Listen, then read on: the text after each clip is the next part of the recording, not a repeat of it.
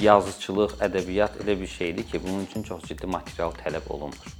Yazıçının təzəlikçi kitabı çıxıb, girsən o kitab mağazasına tapmırsan və yaxud da elə bir küncdən tapırsan ki, onu bəlkə də elə fikirləşsən ki, aparıb elə bir küncə qoyublar ki, heç kim görməsin onu. Yazıçısan, get otur kitabını yaz. Elə yaz ki, hamı görsün desin ki, bu adam bu kitabı yaza bilib.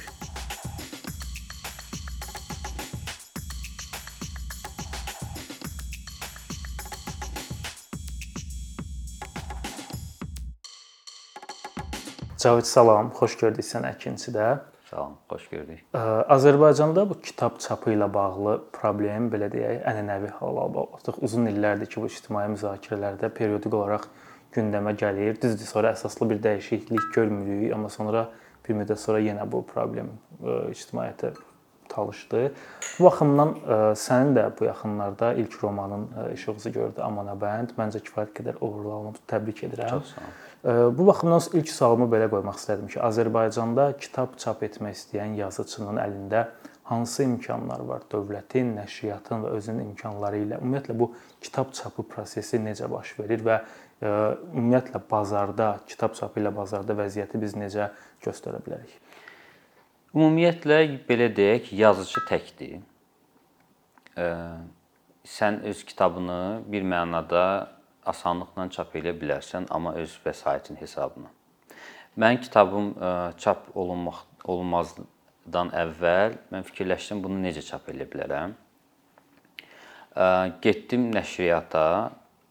Ə, nəşriyyat mənə dedi ki, sənin kitabını 500 tirajla buraxıram. Amma oradan sənə cəmi 5 kitab verəcəm. Ə, 500 tiraj satılsın, qutarsın, ondan sonra nəsə gələr, e, ondan sənə verərik. Heç o da dəqiq rəqəm deyilmədi ki, bu vermək deyəndə nə qədər nəzərdə tutuldu. Müəyyən qədər faizdir, yəqin ki, 5-10 faizdən gedir söhbət. E, mən fikirləşdim ki, okey, 500 tiraj e, nəşriyyat öz hesabına çap eləyir. Mənə 5 kitab verir cəmi və kitab mağazalarına paylayır. Mən amma ümumi baxdım, çap eləyən yoldaşlardan da soruşdum. Bəlli oldu ki, bəzi kitablar hətta mağazalara gedib çatmır. Onu sən dəqiq mexanizminə nəzarət edə bilmirsən də. Bəlkə yaz nəşriyyat sənə deyir ki, 500 kitab çap elədim, amma ola bilsin ki, 100 kitab çap eləyir. O 100 kitabı satır, öz vəsaitini çıxarır. Ondan sonra da artıq maraqlı olmur. Ondan sonra mən qərara gəldim ki, kitabı öz hesabıma çap eləyim və kitab özümdə qalsın. Həm kitab mağazalarına, yoldaşlarla bir yerdə özümüz paylaşdıraq, həm də məsələn Azərbaycanda insanların hətta sizə deyim ki, ədəbiyyatçıların belə kitab almağa o qədər də marağı yoxdur. Xüsusilə tənqidçilər bu çox absurd bir məsələdir də. Tənqidçi kitab almaqda maraqlı deyil. Ona görə də sən məcbursan ki, onlara əllə verəsən.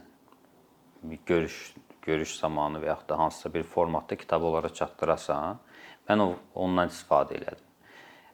Ona görə də bu mənim kitabımın son 1 ildə fikirləşirəm ki, haqqında ən çox gedən söhbət gedən kitablardan biridir.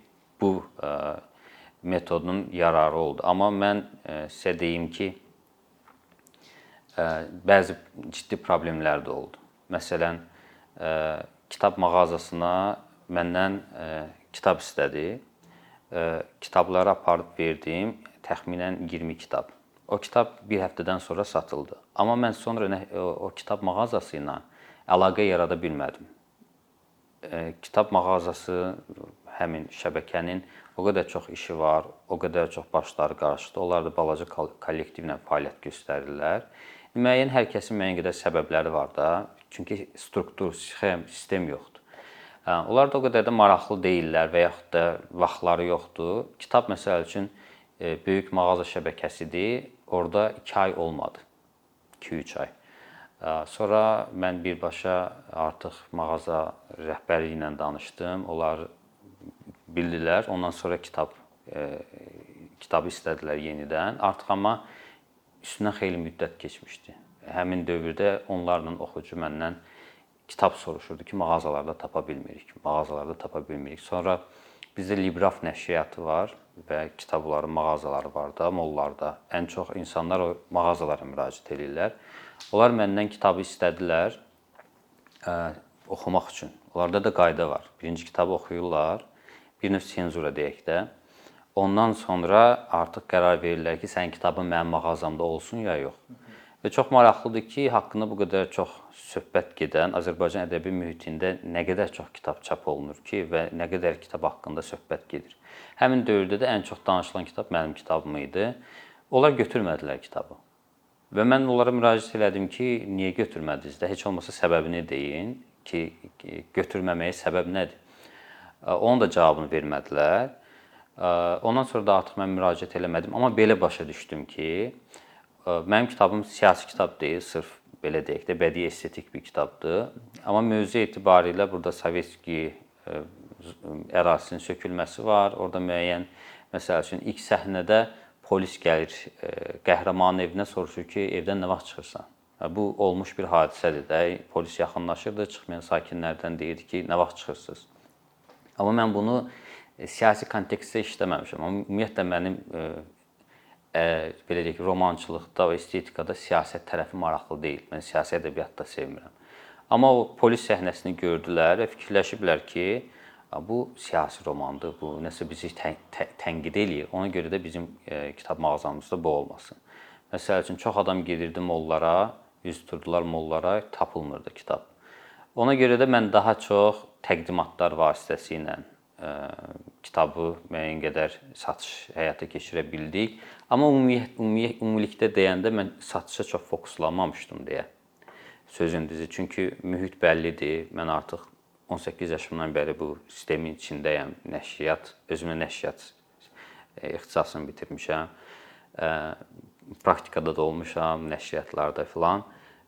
Bəllidir mənə. Ona görə çox böyük gözləntilərlə yaxınlaşmırdım. Daha çox mənim üçün marağımda olan o idi ki, kitab açar adamlara gedib çatsın və onlara belə deyək də, onların bir növ ə, oxusunlar kitabları.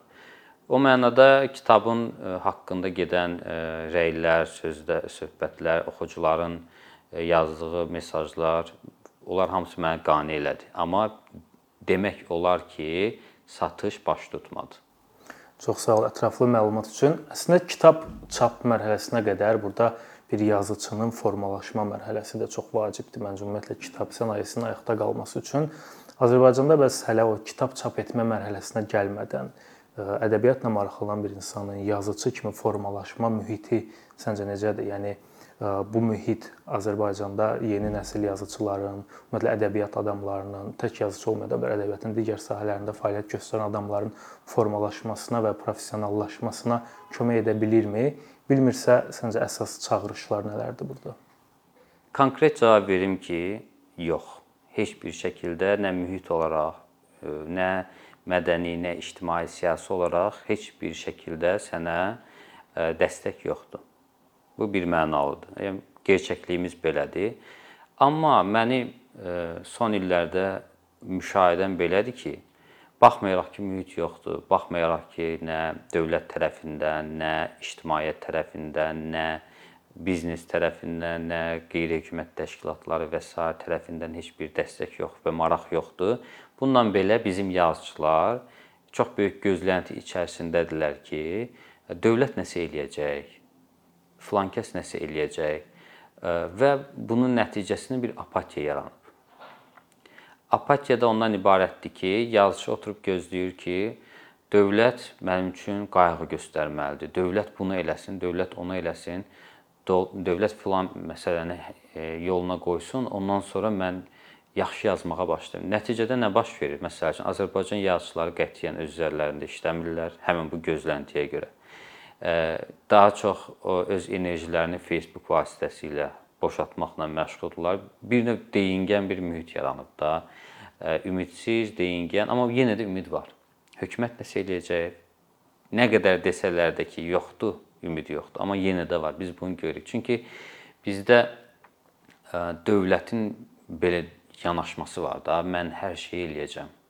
Yazıçılıq, ədəbiyyat elə bir şeydir ki, bunun üçün çox ciddi material tələb olunmur. Məsəl üçün mən kino adamlarının dövlətdən gözləntisini başa düşürəm. Çünki sənin vəsait, avadanlıq əldə etməyin çox çətindir. Çünki birinci növbədə bu çox bahalıdır bu avadanlıqlar. E, prodüserlik işi var, onun çox da qara işi çoxdur bunun. Amma yazıçılıq sənəti elədir ki, bir klaviatura, bir dəftər, bir qələm sənsən. Yəni bunda bir haqq var. Həqiqətən də var. Amma bizdə yazıçılar oturub gözləyirlər ki, bəs sistem dəyişsin, dövlət münasibəti dəyişsin. İndi biz hətta qərbə baxırıq. Məsəl üçün də bir keçilən yola baxırıq. Qərb olmasın İrana baxırıq, Rusiyaya baxırıq. Məsəl üçün bu Rusiyada ə, müəyyən nəsil var idi ki, qızıl nəsil. Onlardan əvvəl çox böyük ədəbiyyat ənənələri yox idi. Bu Belinski tənqidçi və onun ətrafında yığılmış dəstənin sayəsində Rusiya ədəbiyyatı çox böyük bir e, inkişaf yolu keçdi. Onlarda dövlətdən gözləntiləri sıfır idi və öz-özlərinə jurnal tapırdılar, çıxarırdılar, vəsait tapırdılar, onu oradan ora qoyurdular, bunu burdan bura qoyurdular. E, daha çox şəxsi təşəbbüs var idi. Məsəl üçün e, Dostoyevski 20 27 ya 28 yaşında e, təhkimçiliyə etiraz olaraq bir inqilabi dəstədə çıxış edir, sonra onu Sibirə göndərirlər də və 10 il Sibirdə qalır, sonra tezdən gəlir ədəbi yaradıcılığını bərpa eləyir. İndi siz təsəvvür edin, ona hətta mülki işlərdə işləmək belə qadağan idi. O katorqadan qayıdandan sonra da üstündə çox böyük baskı var idi, əngəllər çox idi filan. Amma adam oturdu yazdı. o demək olar ki, heç bir vəsait hesabına yazmayıb da. Bu buna çox az e, dəstək olub. Yəni olub olmağına, amma cüzi olub da bu dəstək. Xüsusilə o dövr daha çətin bir dövrdür, 19-cu əsrin ortaları. Amma adamlar oturdular, yazırdılar. Yəni biz bütün o tarixi keçmiş ölkələrə baxanda, yazıçılara baxanda görürük ki, bunlar oturublar, yazıblar həqiqətən də. Çünki yazıçılıq elə bir şeydir ki, bu ürək məsələsidir də. Bu gözlənti məsələsi deyil. Sənin ürəyin var ya da yoxdur. Sən yazmaq istəyirsən, sənətkar kimi inkişaf eləmək istəyirsən ya da yox. Əgər oturub durub, durub ancaq hökumət mənə filan şey eləmədi, mənə filan e, mühiti yaratmadı, qəzet açmadı, maddi dəstək vermədi, pensiya vermədi, təqaüd vermədi, ondan ədəbiyyat yarana bilməz, mümkün deyil. Bizdə hal-hazırda ədəbiyyat sahəsindəki ən ciddi problem budur. Azərbaycan yazısı 100 ildən çoxdur ki, E, xalqı və hökuməti maarifləndirməyə qabağına məqsəd qoyub. İndi əvvəllər e, başqa cür idi sistem, şərtlər başqa cür idi, daha çox xalqa fokuslanmışdılar. Amma bəlli oldu ki, xalq maariflənmək istəmir də və yaxud da o orada deyil. Yəni nə mənəvi olaraq, nə düşüncə olaraq orada deyil. E, oxumuram əl çəkin də, oxutmuram əl çəkin. Sabir yazıb da bunu. E, Kefli İskəndər dəli olur da. O onsuz da bizim ən ciddi maarifçilərimiz açıb səhnəni göstəriblər ki, məsələ nə yerdədir. Ondan sonra biz müstəqillikdən sonrakı yeni bir maarifçi nəsl ortaya çıxdı. Onlar da dedilər ki, biz maarifləndirəcəyik cəmiyyəti. Bəlkə də dildə demirdilər, amma belə bir məqsəd var idi da. Nə baş verdi? O maarifçi nəsil də dağıldı. Biri xarica getdi, birisi ə, Seymur Baycan inzivaya çəkildi, Ələkbər ə, getdi xarica, orada demək olar ki, öz yazdıqlarından imtina elədi, tamam başqa şeylər yazmağa başladı. Günel başqa yerə getdi, Norveçə getdi, orada nəsə və başqa işlərlə məşğuldur. Onda ədəbi mühitə təsiri yoxdur. O cümlədən də digər o o kəsim. Belə ki, Ağalar Məmmədov da var idi burada, Elmi Mirzəyev və s. bu maarifçi nəsil deyəcəyimiz kəsim. Onlar növbəti məğlubiyyətlə üzləşdilər. O çünki mənə gəlir ki, bir küskünlüyün uzaqlaşmağın səbəblərindən biri odur ki, xalqdan bir gözlənti var idi. Və o gözlənti doğrulmur. İndi də e, bir onların belə deyək, bəlkə də hökumətdən gözləntisi yox idi, xalqdan gözləntisi var idi, o doğrulmadı. İndi də xalqdan gözləntisi olmayan, bəlkə hökumətdən gözləntisi olan bir kəsim var. Onların da ümidləri doğrulmur. Və sonda e, yazıçı nə etməlidir? Əslində bu məsələdə son dövrlər diqqət çəkən bir tendensiya da var. Məsələn, xüsusilə 2000 2000-ci illərin əvvəli 2010-cu illərdə mənim gördüyüm dövrdə Azərbaycanda sənət adamları içərisində məncə belə demək mümkünsə flaqman ədəbiyyat adamları idi, daha çox gündəmdə olan ədəbiyyatçılar idi və sənət gündəmini də onlar müəyyən eləyirdi. Amma son bir neçə ildə biz artıq kino sənayesindən çıxan insanların məncə daha ön plana çıxdığını görürük. Çünki həm ə, uğurlu nəticələr əldə edirlər, xarici festivallarda yer tuturlar, iştirak edirlər. Daha çox diqqət sanki artıq ə, kino sənayesinə doğru yönəlib. Sən fikrin mənim baxıma maraqlıdır ki, necə oldu ki, ə, kinematografiyada uğurlu bir yeni nəsil ortaya çıxdı, amma ədəbiyyatda biz bunu sən dediyin problemlər hələ də qalmaqdadır və kino sənayesindən fərqli olaraq və bax sən də qeyd elədin ki, əslində kino daha çox resurs tələb edən bir sahədir, ən azı maddi olaraq orada daha çox ehtiyac var. Niyə kinoda bu baş tutdu Azərbaycanda yeni və uğurlu bir nəsil yetişdi, amma Azərbaycan ədəbiyyatında biz bunu görmədik. Mən uğurlu nəsil deməzdim hələ ki, çünki hələ bu biraz inkişaf mərhələsindədir. Yeni-yeni addımlamağa başlayıb müəyyən rejissorlar var, istedadlı aktyorlar var, amma onların da sayı hələ ki azdır. Amma sənin dediyin kimi bu artıq proses başlayıb. Mənə elə gəlir ki, ilk növbədə səbəb odur ki, dünyada bir vizuallaşma dövrü başlayıb. Daha çox insanlar vizuala qaçırlar, təsvirlər, təsvir deyək də. Mətn müəyyən qədər arxa planda qalıb. Bu bütün dünyada belədir. İkinci məsələ də ondan ibarətdir ki, kinoya müəyyən qədər dəstək var olmağına. Çünki həm dövlət tərəfindən e, kifayət qədər ciddi məbləğ məbləğ ayrılır. İkinci tərəfdən də e, kino artıq bütün dünyada trenddir və kinoya prodüser tapmaq olur xaricdən, maliyyə vəsaiti tapmaq olur. O cümlədən də festivallar maraqlıdır ki, məsəl üçün Azərbaycan adlı bir ölkə var. Bunun məişəti nədir? Bunun insanları necədir? Bunlar özlərini necə ifadə edirlər? Bunların koloriti nədir? Ona görə də həm də burada maliyyə var və ortada çox böyük pullar fırlanır və ondan Azərbaycan da gəlib çatır. Azərbaycanlı rejissorlar da gəlib çatır. Bu dediyim kimi həm də trend məsələsidir. Bununla belə mən fikirləşirəm ki, bilirsiniz, kino ədəbiyyatsız mümkün deyil. Kino hekayədir. Kino ədəbiyyatın vizual həll həlli yoludur. Kinonun arxasında hekayə dayanmırsa, o ə, effektiv olmayacaq. Və Azərbaycan kinosunda da ən ciddi problem ssenaridir.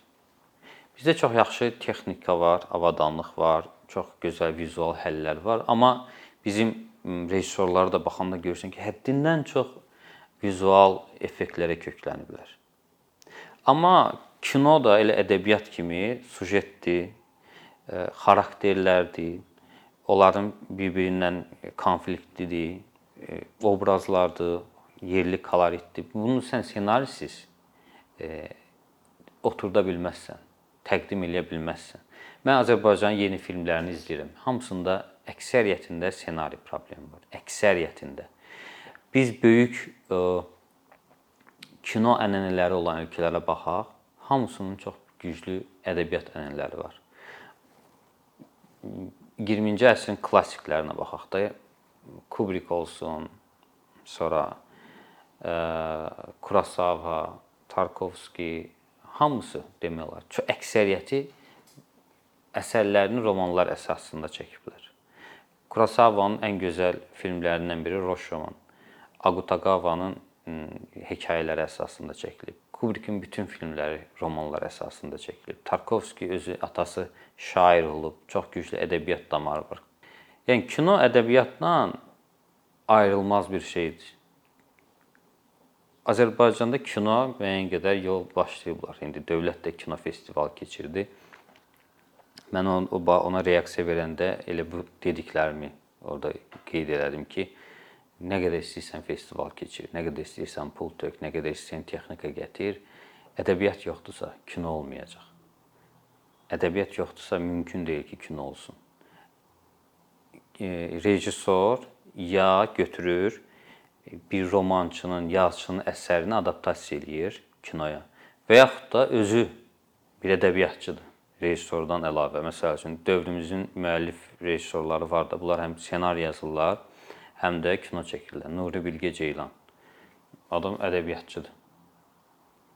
Ədəbiyyatçıdır da bu. Baxırsan ki, bunun bütün nəfəsi, duyumu, obrazları, danışıqları, hər şey ədəbiyyatdır. Bu adam xalis təpədən dırnağa ədəbiyyatçıdır. Amma Azərbaycanlı yazıçı, Az- Azərbaycanlı o rejissorların mən elə bir obrazını görmürəm. Bəlkə 1-2 dənə istisna var, 1-2 dənə istisna var, amma onlarda ədəbiyyat duyumu çox azdır. Kinolarında da hiss olunur. Cavit sonda ilk sualda toxunduğum bir məqama məqamdan bəhs etmək istəyirəm. Biz bir kitab sənayesini bir industriya kimi düşünsək, burada ən vacib rol oynayan oyunçular həm də nəşriyyatlar və kitab mağazalarıdır. Çünki onların fəaliyyəti doğrudan da bazarda canlanma yarada bilər. Və biz də danışdıq bayaqdan ki, sən dedim bu sahə ilə bağlı ciddi problemlər var, ədəbi mühit istənilən qədər inkişaf etməyib, yazıçıların yanaşmasında problemlər var, hökumətin məsələyə baxışı ilə bağlı problemlər var. Amma bəzi hallarda biz görürük ki, bütün bu institusional problemlərlə yanaşı, hətta biz bura vergi məsələlərini, iqtisadi məsələləri də aid edə bilərik. Amma bu mağazaların, nəşriyyatların özü ilə bağlı da bəzi problemlər ortaya çıxır. Məsələn, sənin bəhs etdiyin məqamda görürük ki, sənin kitabın çox qısa müddət ərzində kitab mağazasında satılıb və olan təqdirdə normalda mağaza özü maraqlı olmalıdır ki, yenidən bu kitablardan sifariş versin və daha çox insan bu kitabları əldə edə bilsin. Çünki burada həm də bir kommersiya maraqları var. Amma buna rəğmən görürük ki, uzun müddət xəbərləri olmur bitdiyindən və yaxud məsələni bilsələr belə ə, dəyişiklik etmək üçün bir şeylər baş vermir. Bunun ə, problemini nədə görürsən sən? Məsələn, çünki həm də nəşriyyatlar və kitab mağazaları bu fəaliyyətini effektiv təşkil etsən də yaxşı pul qazana bilərlər və dolayısıyla ictimai töhfə də verə bilərlər prosesə. Buna rəğmən bu idealizm sanki yoxdur. Bunu nə ilə əlaqələndirə bilərik? Təşəbbüskarlıq fərdlərdən çox asılıdır. Mənim kitabımda bunu mütləq qeyd eləməliyəm. Nigar Köçərli, Əlivin mağazalar şəbəkəsinin rəhbəri təbliğatında xeyli rol oynadı. Kitab çap olunan kimi məndən dərhal kitab istədi. O cümlədən də Pak bulvarda çox gözəl təqdimat mərasimi keçirdilər. Mən də orada iştirak elədim. Amma bir gündən bahar olmur. Məsələn, e, Libraf çalışırdı ki, bu prosesi həyata keçirsin, amma yanaşma qüsurludur. Nəyə görə qüsurludur? Ən bunu Librafın adını ona görə çəkirəm ki, Libraf bunu peşəkar səviyyədə həyata keçirmək istəyirdi. Amma nə etdilər? Onlar götürdülər e, məsələn yazıçılıq e, duyumu olmayan, sadəcə mətn yaza bilən adamları öz loyal hesab elədiklərinə görə ya sistemə, ya özlərinə qarşı loyal hesab elədiklərini və belə deyək də azad düşüncə yiyəsi olmadıklarına görə onları təbliğatını həyata keçirdi və o kitablar ə, cəmiyyət tərəfindən ə, qəbul olunmadı. Çünki birincisi orada mətn yox idi. Nə qədər onu gözəl qapaqda dizayn elə, nə istəyirsən elə, o olmayacaq. Və cəmiyyətin də o kitablara marağı olmadığına görə o prosesi belə görünür dayandırıblar. Neçə ildir mən görmürəm yeni müəlliflərdən kimisə ə, çap eləsinlər. Bilirsiniz, məsələn, gedin Türkiyəyə və yaxud da başqa bir ölkəyə, ora girən kimi yerli müəllifləri görəcəksiniz. Girirsiniz içəri, görürsüz ki, ilk rəfdə ə, az, ə, həmin ölkənin müəllifinin böyük posteri qoyulub, kitabları qoyulub. Bəlkə də nəsə yazmayıb bu adam. Amma sadəcə təbliğat var. Bu bizim yazıçımızdır, bu bizim ə, təqdimatımızdır. Tanıyın, oxuyun, bilin. Azərbaycanda mən ə, müşahidə etdiyim ə, fakt bundan ibarətdir ki, yazıçının təzəlikcə kitabı çıxıb. Girsən o kitab mağazasından tapmırsan və yaxud da elə bir küncdən tapırsan ki, onu bəlkə də elə fikirləşsən ki, aparıb elə bir küncə qoyublar ki, heç kim görməsin onu. Bu fərdi təşəbbüskarlığın olmamasına irəli gəlir. Fərdi dünya görüşünün olmamasına irəli gəlir. Həm də professionallıq məsələsi yoxdur. Əlbəttə ki, 100%. O bilirsiniz, professionallıq təkcə işi görmək deyil, yaxşı görmək deyil. Həm də odur. Peşəkarlığı həm də sənin bir duruşun da var. O sənin öz yerli məhsulunu necə təqdim eləməyin də var. Amma tutalım ki biz peşəkar deyilik. Amma heç olmasa ürəyimiz olsun da, elə deyil. Heç olmasa təşəbbüskarlığımız olsun. Yəni peşəkarlığa yiyələnmək çox çətindir. Sən bunun üçün çox böyük prosesdən keçməlisən, aydındır. Amma peş nə peşəkarlıq var, nə fərdi təşəbbüskarlıq var, nə o ürək var, nə heç nə yoxdur da. Necə ola bilər belə? Məsəl üçün ə, görürsən ki, müəyyən şeylər var. Onun üçün nə dövlətin qayğısına, diqqətinə, maliyyə yardımına ehtiyac var. Onun üçün nə xalqın, ə, cəmaatın belə deyək, diqqətinə, nəyəsə ehtiyac var. Bunu sən özün şəxsən də elə bilərsən. Və bunun üçün sənin imkanın da çatır, bacarığın da çatır, onun da o da yoxdur. Amma mən yenə də axırda onu demək istəyirəm ki, prosesdə müəyyən qədər irəli, irəliləmə də var. Yəni bunu mütləq qeyd etmək lazımdır. Məsəl üçün bu yaxınlarda bu günlərdə e, Milli Kitab Festivalı başlamalıdır. Mən artıq demək olar ki, hər ay hansısa bir polemikada iştirak eləyirəm, hər hansı bir tədbirdə iştirak eləyirəm, çıxışlarımız olur, jurnal yaratmaq fikrimiz var. Proses yerindən tərpənib. Yəni əvvəlki qədər də ə, bədbinlik, pessimizm yoxdur. Mən özümdə də. Amma bu prosesin uğurla getməsi üçün fərdi təşəbbüskarlıq artmalıdır.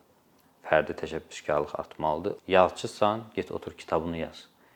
Elə yaz ki, hamı görsün desin ki, bu adam bu kitabı yaza bilib. Ümumi belə görürəm prosesi. Maraqlı müzakirə üçün çox sağ ol. Çox Sağ ol. Fərid. Mən təşəkkür edirəm. Minnətdaram.